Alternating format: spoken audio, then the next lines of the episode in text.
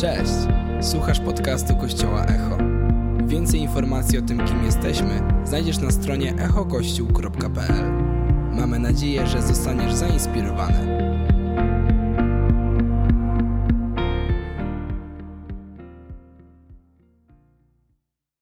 Dzień dobry kościele, jak się mamy dzisiaj? Mamy się dobrze? Niezwykle mi miło tutaj być.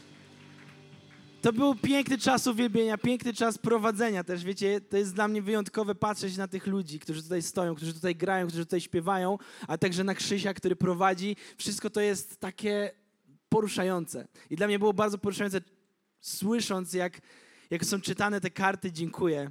Czy to nie jest taki moment, który kruszy serca? Czy to nie jest taki moment, który pokazuje, jak dobrze być w kościele, jak dobrze mieć kościół, jak dobrze mieć ludzi, którzy się o mnie modlą, jak dobrze jest mieć miejsce, gdzie możemy słyszeć takie świadectwa, które budują naszą wiarę. To jest piękne, nie wiem jak wy, ja to lubię. E, mam nadzieję, że wy też. E, ja mam na imię Olek, jest mi niezwykle miło tutaj zawsze stać. E, zawsze mieć tą możliwość podzielić się sercem, tym, co Bóg wkładał do mojego życia. Dziękuję naszym pastorom kochanym, że dają nam przestrzeń, żeby tutaj czasami wziąć mikrofon, coś zaszaleć, coś powiedzieć. Jesteście niesamowici i to jest piękne. I też ta karta, dziękuję, która mówiła o tym, że echo pozwoliło zmienić spojrzenie na to, jak patrzymy na przywódców. Jest tak, tak ważne, że możemy ich nie tylko szanować i kochać, ale inspirować się od nich, patrzeć na nich mówić, chcę mieć takie życie, chcę mieć takie życie jak moi pastorzy i to jest coś, coś mega zachęcającego. A dzisiaj będziemy nieco o tym mówić. Jesteśmy, zaczynamy nową serię, ale opowiem chwilę, co się działo w wakacje, bo wakacje były całkiem, całkiem intensywne, prawda? Bo się tak mówi, a wakacje, zaraz wracamy teraz z nowym sezonem, teraz to dopiero będzie się działo, ale w sumie i tak się działo cały czas, bo Kościół to nie jest tylko niedziela, zgodzicie się z tym? Kościół to wspólnota, Kościół to ludzie, Kościół to ja i ty, Kościół to my. O, nawet trochę, no, mogłem zrobić z tego jakąś nutę raperską, a to na następne kazanie. E, I wiecie, mieliśmy wyjątkową serię Głodny, Godny, Głodny. Ktoś był ubogacony tą serią, kogoś poruszyła ta seria. Myślę, że wielu, wiele z nas to było coś wyjątkowego. Sięgaliśmy nieco głębiej, byliśmy głodni Bożej obecności w naszym życiu, ale tydzień temu mieliśmy też bardzo interesujące spotkanie, które było zatytułowane Dokąd i? Dokąd i dlaczego? Jak fajnie mieć kościół, w którym mówi się, dokąd idziemy, dokąd zmierzamy. Ale nie tylko dokąd, a także dlaczego. Bo jest istotne, żeby nie tylko wiedzieć, o jadę tam, gdzieś idę, zmierzam w moim, moje życie w jakimś kierunku, ale jak cenne jest to, żeby wiedzieć dlaczego, żeby wychodzić do tego pytania dlaczego. I to, dokąd zmierzamy, zostało nieco podsumowane jednym ciekawym słowem. I jestem ciekaw, czy pamiętacie, jakie to słowo. Lekko, a tak lekko powiedzieliście. A teraz wszyscy na 3-4 powiemy to mocno, też lekko, ale mocno, dobra? 3-4!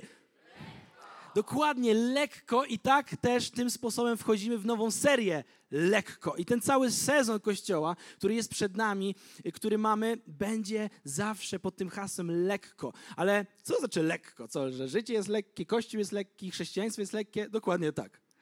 Ale nie dlatego, że my robimy tutaj fajny kościół, nie dlatego, że my mamy jakąś wiedzę, nie dlatego, że chrześcijaństwo jest prostą drogą, ale dlatego, że jest ktoś w tym chrześcijaństwie, kto bierze ten ciężar, kto bierze ciężar życia, wyzwania życia i nie musimy z nimi kroczyć sami. Amen? Nie wiem, czy pamiętacie, jeśli was nie było, to nie zobaczycie, ale możecie odsłuchać na Spotify'u, ale było takie piękne porównanie tego, co to jest jarzmo. By, byli tutaj dwaj silni mężczyźni, którzy mieli drabinę na głowach. To generalnie nie tak wygląda jarzmo, ale obraz był bardzo dobry, bo jarzmo jest czymś, co nakłada się na dwa woły, które ciągną pewien ciężar za sobą. I w tym wypadku, kiedy czytamy Boże Słowo i ono nas zachęca, że jarzmo Chrystusa jest wygodne, a jego brzemię, czyli ciężar jest lekki, biorąc te słowa, możemy faktycznie iść przez życie ze świadomością, że w tym całym jarzmie, w tym całym ciężarze nie jesteśmy sami. Nie jest to nałożone tylko na nas. To nie jest tak, że my musimy ciągnąć ten wózek chrześcijaństwa ze sobą i jakoś to będzie. Nie, jest z nami ktoś, kto jest większy niż my. I jak to jest inspirujące i budujące, że jest Chrystus, który to jarzmo nakłada razem z nami. I my nie musimy przez to ciągnąć tego ciężaru, dlatego właśnie lekko. Nie znaczy, że łatwo. nie znaczy, że prosto, ale znaczy, że z kimś, kto sprawia, że ten ciężar nie jest przygniatający, ale jest pełen zachęty do tego, by iść i budować to, co Bóg nam tutaj szykuje, jakie plany przed nami yy, po, po prostu objawia. Wow. No i co, zaczynamy lekko, całą serię i zaczynamy od lekkości w relacjach. Lekkość w relacjach. Relacje. Mega kluczowa rzecz. Zgodzicie się z tym? Yy, dzisiaj zresztą właśnie te karty kolejne było dla mnie pięknym potwierdzeniem. Wow, jak relacje są istotne. Jak to, kto nas otacza, jest istotne. I oglądałem taki filmik na YouTubie, myślę, że większość z was go oglądała. Yy, chociaż ten nie wiem, ale jest dużo takich filmików, że ludzie, ludzie już w takim zaawansowanym wieku opowiadają, czego żałują w życiu. I, I, bardzo często są tam, pojawiają się podobne zdania, ale ja oglądałem taki inny trochę, że pytali od piątego roku życia, co pięć lat różnych ludzi, czego żałują w swoim życiu. I to było niesamowite zobaczyć, jak z wiekiem żałuje się zupełnie innych rzeczy. Na przykład pięciolatka powiedziała, że żałuje, że nie zjada wtedy tego cukierka, który rodzice jej dali, a mogła go zjeść, bo dzisiaj go już nie ma przy sobie. To są problemy, to są problemy. Nie bagatelizujcie ich. Ale kiedy słucha, słuchaliśmy, słuchałem w zasadzie już ludzi w takim zaawansowanym wieku, którzy przeżyli już prawie całe swoje życie, już zbliżali się do, do, do drugiego brzegu, opowiadali o czymś bardzo ciekawym. Głównie, głównie rzeczą, której żałowali, było brak spędzania większej ilości czasu z ludźmi, których, których kochali. Brak większej ilości czasu z ludźmi, których kochali. Oczywiście pojawiały się tam różne pytania, typu, a jak z karierą, jak z pieniędzmi? Nie, jasne, to było ważne, to mnie pozwalało mi się realizować, po, pozwala mi teraz zostawić coś ludziom, którzy są po mnie, moim dzieciom, mojej rodzinie, ale tego, co ja osobiście najbardziej żałuję, to to, że nie spędziłem z nimi więcej czasu. Relacje. I jeszcze mówili dodatkowo niektórzy, właśnie też w takim zaawansowanym wieku, że no jeszcze, żeby mieć więcej fanów w życiu. Żeby nie brać wszystkiego tak poważnie ale najbardziej, żeby te niepoważne rzeczy robić z ludźmi, których kochają. To jest niesamowite. Więc ludzie, których kochamy, chcemy z nimi spędzać czas. I wiecie, ktoś napisał śmieszny, śmieszny komentarz na YouTubie. Ktoś ko czyta komentarze na YouTubie? To jest kopalnia zła, ale też kopalnia dobra czasami. Na pewno jest to kopalnia złotych cytatów, ale ja właśnie przeczytałem sekcję komentarzy w tamtym filmiku, mówię, po co ja to robię? Ale były całkiem pozytywne. Wszyscy byli poruszeni, wzruszeni, więc mówię, o, fajne komentarze. Ktoś napisał, za 50 lat wszyscy będziemy żałować, że tyle gapiliśmy się w telefon, a nie w twarze ludzi, których kochaliśmy. O, uderzyło mnie to mocno, bo ja jestem tym, co lubi siedzieć na telefonie, wiecie? Troszeczkę. Zresztą nieraz o tym mówiłem z tej, z tej sceny. I też badania, są takie, jest takie, taka organizacja Centrum Badań Opinii Społecznej, zrobili badania o Polakach, o zadowoleniu życia Polaków. I byłem w szoku, Okazało się, że Polacy nie są mega pozytywni. Okazało się, że mamy dość negatywne nastawienie do życia. I byłem taki, co, jak to Polacy? Przecież to jest najbardziej pozytywny naród, jaki znam. Ale okazało się inaczej. Może wiecie, otoczenie moje inaczej mi pokazuje, reprezentuje Polaków. No ale e, okazało się, że naprawdę jest dość niskie zadowolenie e, z życia ludzi, co jest przykre w sobie, nie powinniśmy się z tego śmiać, więc nie wiem, czy się tak śmieliście. E, ale, ale wy jesteście zadowoleni, dokładnie wy jesteście tą, tymi osobami, do których dzwoniono, do których pisano i mówicie, ja jestem zadowolony z życia. I okazuje się, że było sporo osób e, zadowolonych z życia i tych, którzy byli zadowoleni, usatysfakcjonowani ze swojego życia, 84% z nich wskazywało, że powodem ich satysfakcji i zadowolenia są relacje w ich życiu. Kolejna rzecz, która sprawia, że oh, jak relacje są ważne. Ja też zrobiłem swój test. Mam przyjaciół tutaj niektórych, kilku są na sali. E, wiecie, ale mam taką szczególną grupę przyjaciół, która e, jest z Warszawy. Z pięknego miasta, stolica. Ktoś jest ze stolicy? Wiecie, o, stolica tutaj w drugim rzędzie, witam. E, wiecie, i, i, oni są wspaniałymi ludźmi. Wiele z nich przeprowadziło się w zeszłym roku, inni kilka lat temu, ale mamy tutaj wiele osób, które są z Warszawy i, i, są zaangażowane w ten kościół. I wiele razy rozmawialiśmy o tym, jak to jest w Trójmieście. I co jest niesamowite, oni mają jakiś mega hejt na Gdańsk. Mówią, jeny, tu nie ma co jeść. To ciągle są korki. Komunikacja jest tragiczna. W ogóle nie ma co robić w tym miejscu. W ogóle poziom kulturalny tego miasta jest mega niski. Kierowcy myślą, że lewy pas jest do tego, żeby po nim jechać, a nie pędzić. Amen. nie tylko warszawiacy tutaj mówią amen. Ale ja nie wiem, jak to jest. Więc, yy, no i mówię do nich, no to skoro tak narzekacie ten Gdańsk, a oni, znaczy mówię, na to które miasto, oni, nie, nie, Gdynia jest w porządku. A ja tak faktycznie w sumie mieszkałem 20 lat, 18 lat w Gdyni i potwierdzam. Może jednak jest coś w tym, nie, nie, nie. Gdańsk, super, teraz mieszkam w Gdańsku, jest okej. Okay. I pytam ich, to skoro tak narzekacie ten Gdańsk, skoro tak tutaj nic nie ma, jest tak tragicznie, to po co tu jeszcze mieszkacie? Wróćcie sobie do tej Warszawy. Ale oni już całkiem poważnie mówiąc, bo oczywiście to są takie kochane przekomarzania, mówią całkiem poważnie, Warszawa jest cudowna i to miasto, wolałbym tam mieszkać, ale tutaj jest coś, co jest ważniejsze niż miasto. To są relacje i kościół, które kochamy budować, relacje, które kochamy pogłębiać. I popatrzcie, jak niesamowite jest to, porzucić takie piękne miasto, które ma wszystko dla relacji. Amen? Wiem, że kiedyś wrócą, żeby założyć kościół tam, ale... Amen? Ktoś tutaj chce zakładać kościoły? No ale dobra.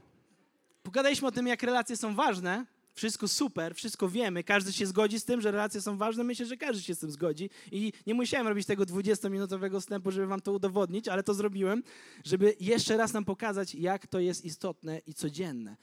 Ale wierzę też, że są różne sezony w naszych relacjach. I chcę wam od razu powiedzieć, że nie chcemy mówić tutaj, że macie mieć nie wiadomo ile przyjaciół, nie wiadomo jak, jak być lubianym i tak dalej, tylko chcemy mówić o tym, jak w tych relacjach chodzić w lekkości. Więc jak, skoro relacje są też często bardzo, bardzo często są powodem naszego zranienia, są powodem naszego bagażu, są powodem naszych traum, jak wiele rzeczy z naszych domów wynosimy, jaki bagaż wynosimy często z naszego wychowania, a to też jest przecież wszystko oparte na relacjach.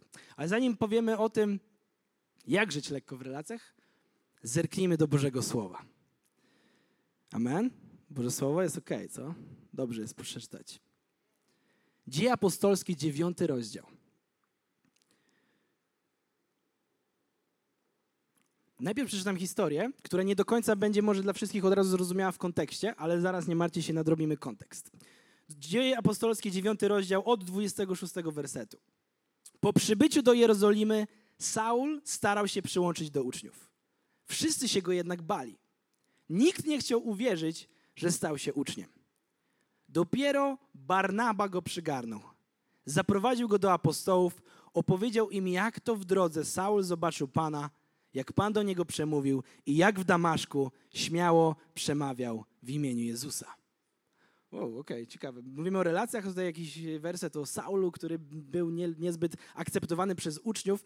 Wiecie, o, o którego Saula chodzi? Chodzi oczywiście o apostoła Pawła. Facet, który, no myślę, każdy z nas go kojarzy, jak długo, jak krótko jest w kościele, każdy wie, kto to jest apostoł Paweł. Wiecie, apostoł Paweł, zanim był apostołem Pawłem, który napisał jedną trzecią Nowego Testamentu, był znany jako Szaweł Starsu. Szaweł Starsu to był człowiek niezwykle wykształcony, niezwykle wysoko postawiony, ale był przede wszystkim znany z tego, że jest faryzeuszem, czyli człowiekiem bardzo religijnym, bardzo właśnie oczytany w pismach, ale także był prześladowcą chrześcijan. Co, ten Paweł był prześladowcą? Jak to, to jak napisał jedną trzecią Biblię? To coś jest nie tak. I był pewien moment, kiedy przyszła radykalna zmiana do życia Pawła, wtedy kojarzonego jako Szawła. Szaweł jechał do Damaszku zrobić kolejną akcję czyszczenia chrześcijaństwa. Jechał wraz ze swoimi, ze swoimi ludźmi, ze swoimi podwładnymi, jechali do Damaszku, do takiego miasta, w którym właśnie Kościół prężnie się rozwijał. Ale na jego drodze coś, coś go zatrzymało i był to sam Jezus Chrystus, który objawił się w ogromnej światłości, oślepił go, przemówił do niego, dlaczego mnie prześladujesz, chodź teraz dołącz do mnie. Paweł zmienia kompletnie swoje życie, ale przez trzy dni jest ślepy i nic nie je. I dochodzi do tego Damaszku, prowadzony przez swoich podwładnych za rękę. Oni go tam zostawiają i on trzy dni nic nie pije, nic nie widzi. I pewna, jest pewien uczeń, który ma na imię Ananiasz. Ktoś kiedykolwiek słyszał o gościu, który ma na imię Ananiasz? O, nie jesteście tutaj oczytani w piśmie, widzę, fajnie. Ale generalnie trochę mniej niż o Pawle, tak? Generalnie nie jest aż to tak znana postać. Ale Ananiasz dostał słowo od Boga, że ma pójść po właśnie tego Pawła, tego człowieka, który jest znany z tego, że morduje chrześcijan, bo to nie było tylko takie, wiecie, prześladowanie typu nie róbcie tak, mm, zakaz chrześcijaństwa, tylko to były kamienowania, to było tłumienie całego ruchu chrześcijaństwa. To nie były żarty. I Ananiasz zdecydował się uwierzyć w, Boże, w słowo od Boga, które otrzymał, żeby iść do Pawła i pomóc mu, nakarmić go, ogarnąć go i zaprowadzić do uczniów. I tutaj czytamy właśnie, przeczytaliśmy ten fragment, że uczniowie byli przerażeni Pawłem. Mówią, Ananiasz, co ty, kogo ty przeprowadzasz? Człowiek, wiesz, kto to jest? To jest człowiek, który nas mordował, to jest człowiek, który tępi nasz kościół. Jak możesz go tutaj przyprowadzać? A on mówi, ale zmieniło się jego życie, ale nie do końca ktokolwiek wiedział o co chodzi. Paweł starał się, odzyskał w końcu wzrok, starał się właśnie głosić o Jezusie, o swoim świadectwie, ale dopiero ktoś, kto miał pewną pozycję, pewien autorytet, czyli Barnaba, wziął Pawła pod swoje skrzydła wytłumaczył wszystkim, kim on jest, co przeżył z Jezusem, i wtedy zaczęło się jedno z najważniejszych momentów chrześci wczesnego chrześcijaństwa w naszej historii. Bo dzięki temu, że Paweł rozpoczął swoją służbę, nie mógłby tego zrobić, gdyby nie Ananiasz i nie Barnaba, i dzięki temu, że Paweł rozpoczął swoją służbę, mamy dzisiaj jedną trzecią Nowego Testamentu, jego autorstwa, mamy. Yy, tak naprawdę ukształtowany wczesny Kościół, także przez Pawła, a także Paweł był człowiekiem, który miał największy wpływ na to, że poganie mogli być chrześcijanami, a nie tylko Żydzi. Wiecie, że tak było na początku? Że uczniowie Jezusa myśleli, że to jest tylko dla narodu wybranego, że to jest tylko dla Żydów, ale Paweł mówił nie, Chrystus jest dla każdego. Więc dzisiaj to dzięki temu, co Ananiasz i Barnaba zrobili z Pawłem, gdzie go zaprowadzili, jak go postawili, jakie relacje zbudowali, my dzisiaj mamy chrześcijaństwo, jakie mamy. Dzisiaj ty i ja możemy być chrześcijanami w wolnym kraju chrześcijańskim i chwalić Boga, mieć takie uwielbienie, mieć taki kościół, dzięki temu, że pewni ludzie stawili się za Niego. Domyślam się, że Bóg by sobie poradził, gdyby nie Paweł. Ale to pokazuje, jak istotna była, było to, żeby tak namaszczony człowiek z taką wielką wiedzą, z tak wielkim objawieniem miał jednak ludzi, którzy są przed nim. I to jest dla każdego z nas dzisiaj zachęta do tego, aby sprawdzać, kto jest wokół ciebie. Po angielsku się tak fajnie mówi check your circle. Dobrze powiedziałem? Ktoś tutaj... Akcent ok? Sprawdź swoje kółko. Wiadomo, że tak śmiesznie, ale sprawdź dzisiaj pierwszą, pierwszym krokiem do tego, by żyć lekko w relacjach, sprawdź swoje otoczenie. Pastor Daniel nieraz to powiedział z tej sceny i do mojego życia i to mnie bardzo poruszało zawsze. Jeśli chcesz, żeby twoje życie szło w jakimś kierunku, otocz się ludźmi, którzy wierzą w te, w te rzeczy. Jeśli pragniesz żyć zdrowiej, jeść zdrowiej, więcej się ruszaj, ruszać, że się ruszaj, to jest generalnie też rada, y, to potrzebujesz ludzi wokół ciebie, którzy to robią. Jeśli chcesz, żeby twoje życie było pełne Bożego Słowa i zachęty, potrzebujesz ludzi, którzy w taki sposób do ciebie mówią. Proste, prawda? Wiadomo, że nie takie proste, jak się już buduje te relacje. Ale pierwszą zachętą do tego, aby żyć lekko w relacjach, jest to, żeby sprawdzać swoje otoczenie.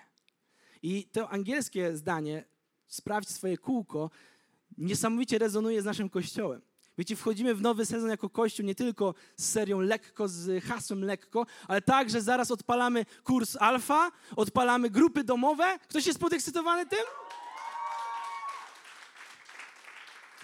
I to jest właśnie pierwszy krok do tego, żeby nasze życie wzrastało i nasze, nasze relacje były lekkie, to sprawdzać swoje otoczenie, bo rozwijamy się w czym? W kółkach, a nie w rzędach. Oczywiście tutaj mam nadzieję też dzisiaj coś tam odbierzecie z tego kazania. Ale wiemy, że niedziela jest świetną okazją do tego, żeby posłuchać, żeby się nakarmić, żeby też służyć, żeby, żeby przy, przynieść, przynieść, przynieść, przyprowadzić swoich znajomych do kościoła, którego się nie wstydzimy. Ale dobrze wiemy, że najsilniejszych relacji na świecie podczas niedzieli nie jesteśmy w stanie zbudować nie ma czasu, chcemy się skupić na naszych przyjaciołach, których często przeprowadzamy, czy ludziach, którzy, którzy są pierwszy raz. Jeśli jesteście pierwszy raz, my chcemy naprawdę spędzić z wami czas. Chcemy, żeby ta niedziela była dla was jak najlepsza, najfajniejsza, najbardziej otwarta. Chcemy być dla was. I dobrze wiemy, że nie jesteśmy w stanie rozwinąć się tylko w rzędzie, siedząc w ławce, siedząc w ławce, tutaj mamy akurat krzesła, ale siedząc w krześle. Nie jesteśmy w stanie rozwinąć się w relacjach tak, jakbyśmy chcieli. Zgodzicie się z tym? Dlatego pierwszy krok, sprawdź swoje otoczenie. Sprawdź, czy masz ludzi, którzy mówią do ciebie słowa życia. Słuchałem wczoraj takiego niezwykłego pastora, Erwin McManus, on jest pastorem kościoła Mozaik w LA, to jest? Chyba w LA. I powiedział niezwykłe, niezwykłe zdanie. Jeśli nauczyciele, rodzice, rodzeństwo czy ludzie wokół ciebie mają taki wpływ na to, jak kształtuje się twoja tożsamość, to ileż bardziej może mieć na to wpływ Bóg, który cię stworzył. Amen? Chyba nie zrozumieliśmy tego. Jeśli nauczyciele, którzy mówią do nas w szkole, mogą zniszczyć nasze marzenia lub mega je zachęcić, bo nie chcę tylko mówić, że nauczyciele tylko niszczą twoje marzenia, bo ja miałem świetnych nauczycieli, którzy mega mnie motywowali i dzięki nich wiele rzeczy robię dzisiaj. Więc nie myślcie, że nauczyciele są tylko źli. Ale mają wielki wpływ na naszą tożsamość, prawda? Moja mama zresztą jest nauczycielką. I była, nawet mnie uczyła przez rok muzyki. Miałem szóstkę.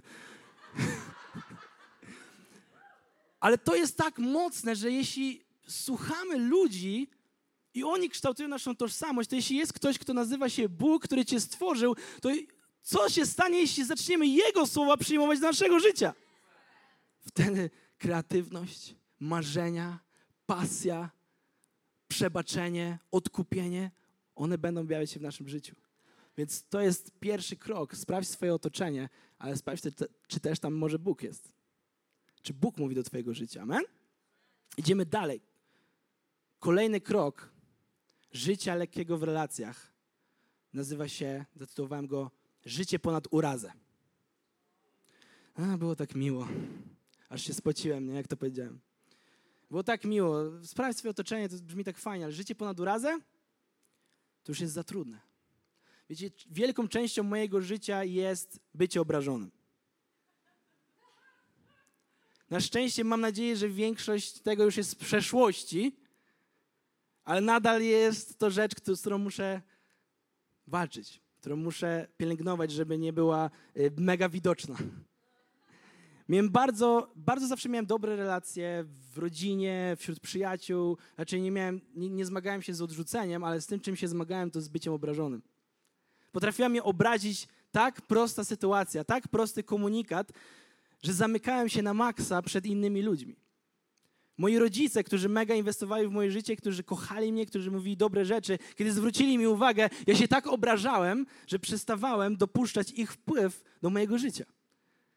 I jeśli jesteście osobami, które łatwo się obrażają, wiecie, jakie to jest uczucie. A ci, którzy się nie obrażacie, jesteście w szoku. Dlaczego się ciągle obraża? Przecież po prostu wystarczy się nie obrazić, ale ci, co wiecie, jak to jest, łatwo się urazić. Jak ktoś, ktoś powie w zły sposób, nie zbuduje odpowiedniej formy, napisze z kropką na końcu albo da uśmie emoji nie te i my, te, i my jesteśmy już tacy, nie no, nie, nie tak, do, do mnie nie tak. I oczywiście mówię teraz o takich prostych rzeczach, bardzo podstawowych, ale potrafimy się obrażać na dużo trudniejsze rzeczy i często mamy do tego prawo. Często to, jak zostaliśmy wychowani, sprawiło, że się obrażamy, ponieważ zawsze nasz głos był tłumiony, albo nasze marzenia były odcinane, albo to, że chcieliśmy coś zrobić, było bagatelizowane. I żyliśmy w obrażeniu, żyliśmy w takim urażeniu i nie chcieliśmy przyjmować już tych ludzi do naszego życia. I to było często naszą po prostu metodą obrony.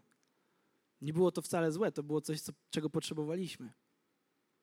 Ale kto wie, że jest życie ponad urazę?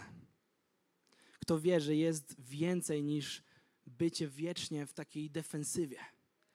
Otwarcie się na innych ludzi ponad bycie obrażonym. Ale wiecie, zastanawiałem się bardzo długo, dlaczego ja tak reaguję? Dlaczego ja tak się łatwo obrażam? Przecież wszystko jest ok.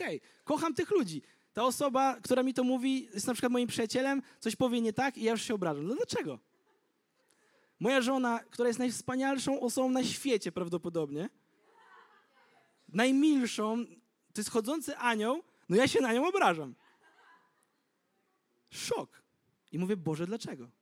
Ale to wszystko sprowadza się do bardzo trudnej i bardzo prostej rzeczy, czyli tożsamości. Bo to, jak się czuję, to jak się czuję, kiedy jestem obrażony, nie jest nieprawdą. Tak się poczułem. Moje emocje są prawdziwe. Ale to nie jest zawsze prawda o mnie. To, że poczułem się jak, nie znaczy, że jestem. Amen? I dzisiaj ja mówię tylko o obrażaniu się na żonę, ha, ha, ha, Ale wiemy, że są wśród nas, naszych przyjaciół, ludzie, którzy żyją w takim zranieniu, w takim obciążeniu, w takim poczuciu, że są tragiczni, że nie, nic nie są warci, że nie tylko są to ich emocje, ale oni wierzą, że tak jest i doprowadzają swoje życie do, do decyzji, żeby z nim często skończyć. A często zaczyna się od tego właśnie, jaka jest nasza tożsamość. Więc pierwszym krokiem do tego, żeby żyć lekko ponad urazę, jest to, żeby objawiona została prawda na Twój temat. Żeby została objawiona prawda na temat Twoich relacji. Więc znowu wrócę do tego cytatu, tego pastora. Jeśli ludzie mogą tyle powiedzieć na temat Twojej tożsamości, o ileż więcej może powiedzieć Bóg. O ileż więcej mogą powiedzieć ludzie, którzy Ciebie kochają. Wiem, że to jest trudne. Zablokować głos, który nas niszczy. Ale starajmy, zróbmy wszystko, zróbmy wszelkie kroki, żeby móc zapraszać głos, który jest życiodajny do naszego życia. Moja mama jest osobą, która studiowała psychotraumatologię. W ogóle co za słowo. I tłumaczyła mi, jak, wiel, jak ciężkie jest wyjść z różnych traum. Ale że nigdy słowa życia nie przeszkadzają temu, żeby z tego wyjść. Nigdy dobre rzeczy, które mówią na Twój temat, nie sprawią, że nagle z tej traumy nie wyjdziesz, czy jakiś ran nie zagoisz. Nawet inaczej, wczoraj do niej zadzwoniłem, mówię, mamo, jak to jest wyjść z tej traumy? Powtórz mi jeszcze raz. Bo nie chcę, żeby ktoś pomyślał, że to jest proste, że to jest banalne. Ona mówi, nie, to jest mega trudne, to, jest, to są lata tego, co wynieśliśmy z domu, tego, jakie relacje budowaliśmy przez całe swoje życie. A mówię, mamo, jak zacząć? Zacznij badać swoją tożsamość. Zacznij przyjmować słowa prawdy do swojego życia. Ja mówię, mama, to jest Boże Słowo. Ona, no, serio? I kolejnym krokiem do tego, by właśnie żyć w lekkości w relacjach, jest nie pielęgnować ran, ale dać im się zabliźnić. Ja nie chcę, żeby ktoś dzisiaj pomyślał, że zranienia naszych, z naszych relacji, z naszego domu są lajtowe, są, nie chcę tego umniejszać. Ale jestem pewien, że Bóg chce dzisiaj sprawić, że nasze rany, które dzisiaj krwawią, mogą zrosnąć się i stać się bliznami, które mówią na Jego chwałę. Amen. Ja wiele lat zmagałem się właśnie z tym, takim obrażaniem, ale raczej miałem zawsze dobre relacje. Nigdy się nie, nie, nie spotkałem z odrzuceniem. Do pewnego momentu, kiedy miałem, miałem pewną relację, która się skończyła, ogólnie wszystko, wszystko było właściwe, że się skończyła. Ale spotkałem się pierwszy raz wtedy, że cała moja tożsamość była oparta na pewnej relacji i kiedy ona się skończyła, nagle się rozsypałem. I ta rana, która krwawiła, nie chciałem, żeby się zagoiła. Gdziekolwiek byłem, przypominałem sobie, ja żyję w zranieniu. Nie mogę przyjąć nowych rzeczy do swojego życia, bo jestem zraniony bo jest to otwarta rana. Nie chcę przyjmować dobrych słów do swojego życia, bo wiem, że już coś się wydarzyło tak trudnego, że już nic nie może mi się z dobrego zdarzyć. A dobrze wiemy, że to nie była prawda. I miałem ludzi wokół siebie, i wtedy to były tak kluczowe relacje. Miałem ludzi wokół siebie, którzy mówili: Stary, mów prawdę na swój temat. I oni przypominali mi, co Bóg mówi o mnie, a nie co okoliczności mówią o mnie. I wykleiłem, pewnie niektórzy z was słyszeli już tę historię, wykleiłem cały swój pokój wersetami biblijnymi, jakimiś cytatami. Bóg cię kocha, jesteś moim dzieckiem. Wypisywałem sobie psalmy, na, budziłem się, spałem na takim materacu, budziłem się, po prawie miałem kaloryfer i cały był w wersetach. A jak wstawałem tak, to miałem na wprost taką wielką kartkę, kocham cię moje dziecko. I zacząłem dopuszczać ten głos do swojego życia. I nagle rana, która krwawiła, zaczęła się zabliźniać. I nie tylko przestała być czymś, co krwawiło na innych i mówiłem o tym, jak, jak to jestem biedny, jak to jestem zraniony, jak to, jest, jak to ciężko jest, tylko zacząłem być, mogłem przestać krwawić, a zacząć błogosławić. I historia, która była bolesna, która nie była Wiecie, nie, nie, ma być teraz wymazana, że nigdy to się nie stało i wszystko było ok, a to takie dziecinne sprawy. Nie, to było bolesne, to, był, to jest moja tożsamość. Ale to już nie jest rana, która krwawi, to jest blizna, która mówi o tym, że Bóg mnie z tego wyprowadził. Amen? I wierzę dzisiaj, kochani, i nie chcę jeszcze raz, nie chcę umniejszać żadnemu bólowi w Twoim życiu, żadnemu zranieniu, bo to jest Twoja rzeczywistość. Dzisiaj to, co odczuwasz, jest prawdziwe, ale nie zawsze jest prawdą na Twój temat. Uwaga, najczęściej w, w, w ogóle nie jest.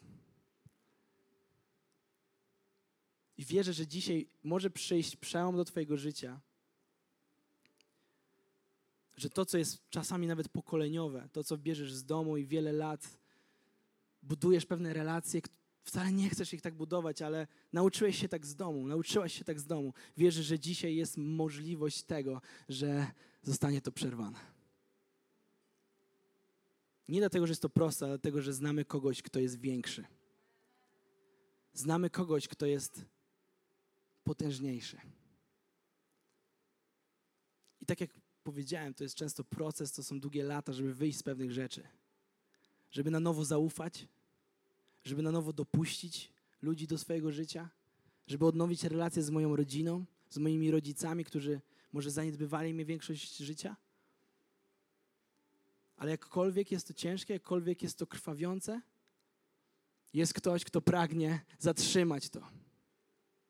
Zatrzymać to, żeby ta rana, która jest otwarta, która się babrze, która, i którą w sumie się babrze, nie chcemy, a z drugiej strony niech zostanie, bo taka jest sytuacja.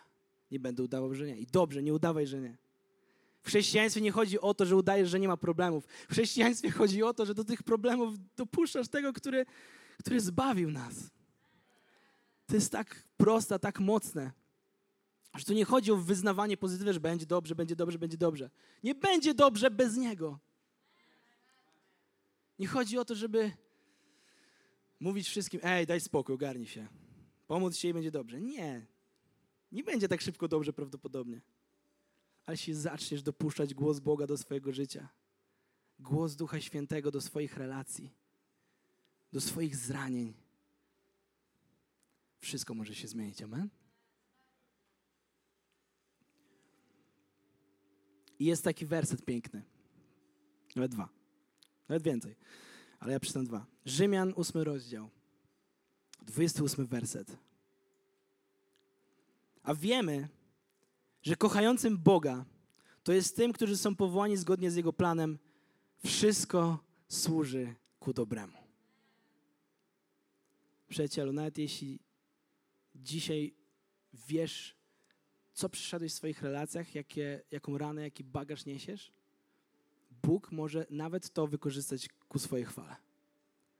Ponieważ nawet rana, która jest otwarta, która jest bolesna, może się zabliźnić i być błogosławieństwem dla innych. Ale jest kolejny werset, parę dalej. 31. Czy to nie wspaniałe? Jeśli Bóg po naszej stronie, kto może stanąć przeciwko nam? I dzisiaj chcę ogłosić to z tego miejsca. I chcę zachęcić Was, Kościele, jakakolwiek jest Twoja relacja z Bogiem, żeby dzisiaj stanąć w wierze i przyjąć słowa przebaczenia do swojego życia, przełomu do swojego życia. Jakiekolwiek masz doświadczenie w relacjach, jakiekolwiek masz zranienia z domu, Jezus Chrystus jest w stanie stanąć pomiędzy tym pokoleniowym przenoszeniem tych różnych przyzwyczajeń, różnych nawyków, różnych zranień, stanąć i powiedzieć: Córko, synu, ja ci przebaczyłem, ja ciebie uratowałem, ja przecinam to przekleństwo. Ja staję pomiędzy tym, bo ciebie kocham i chcę dla ciebie życia, które obfituje, bo ja jestem z tobą, więc kto może być przeciwko tobie? Ale jak ciężko zacząć, żeby przyjmować te myśli. Ale Kościele wierzy, że możemy zacząć, amen? Czy możemy powstać?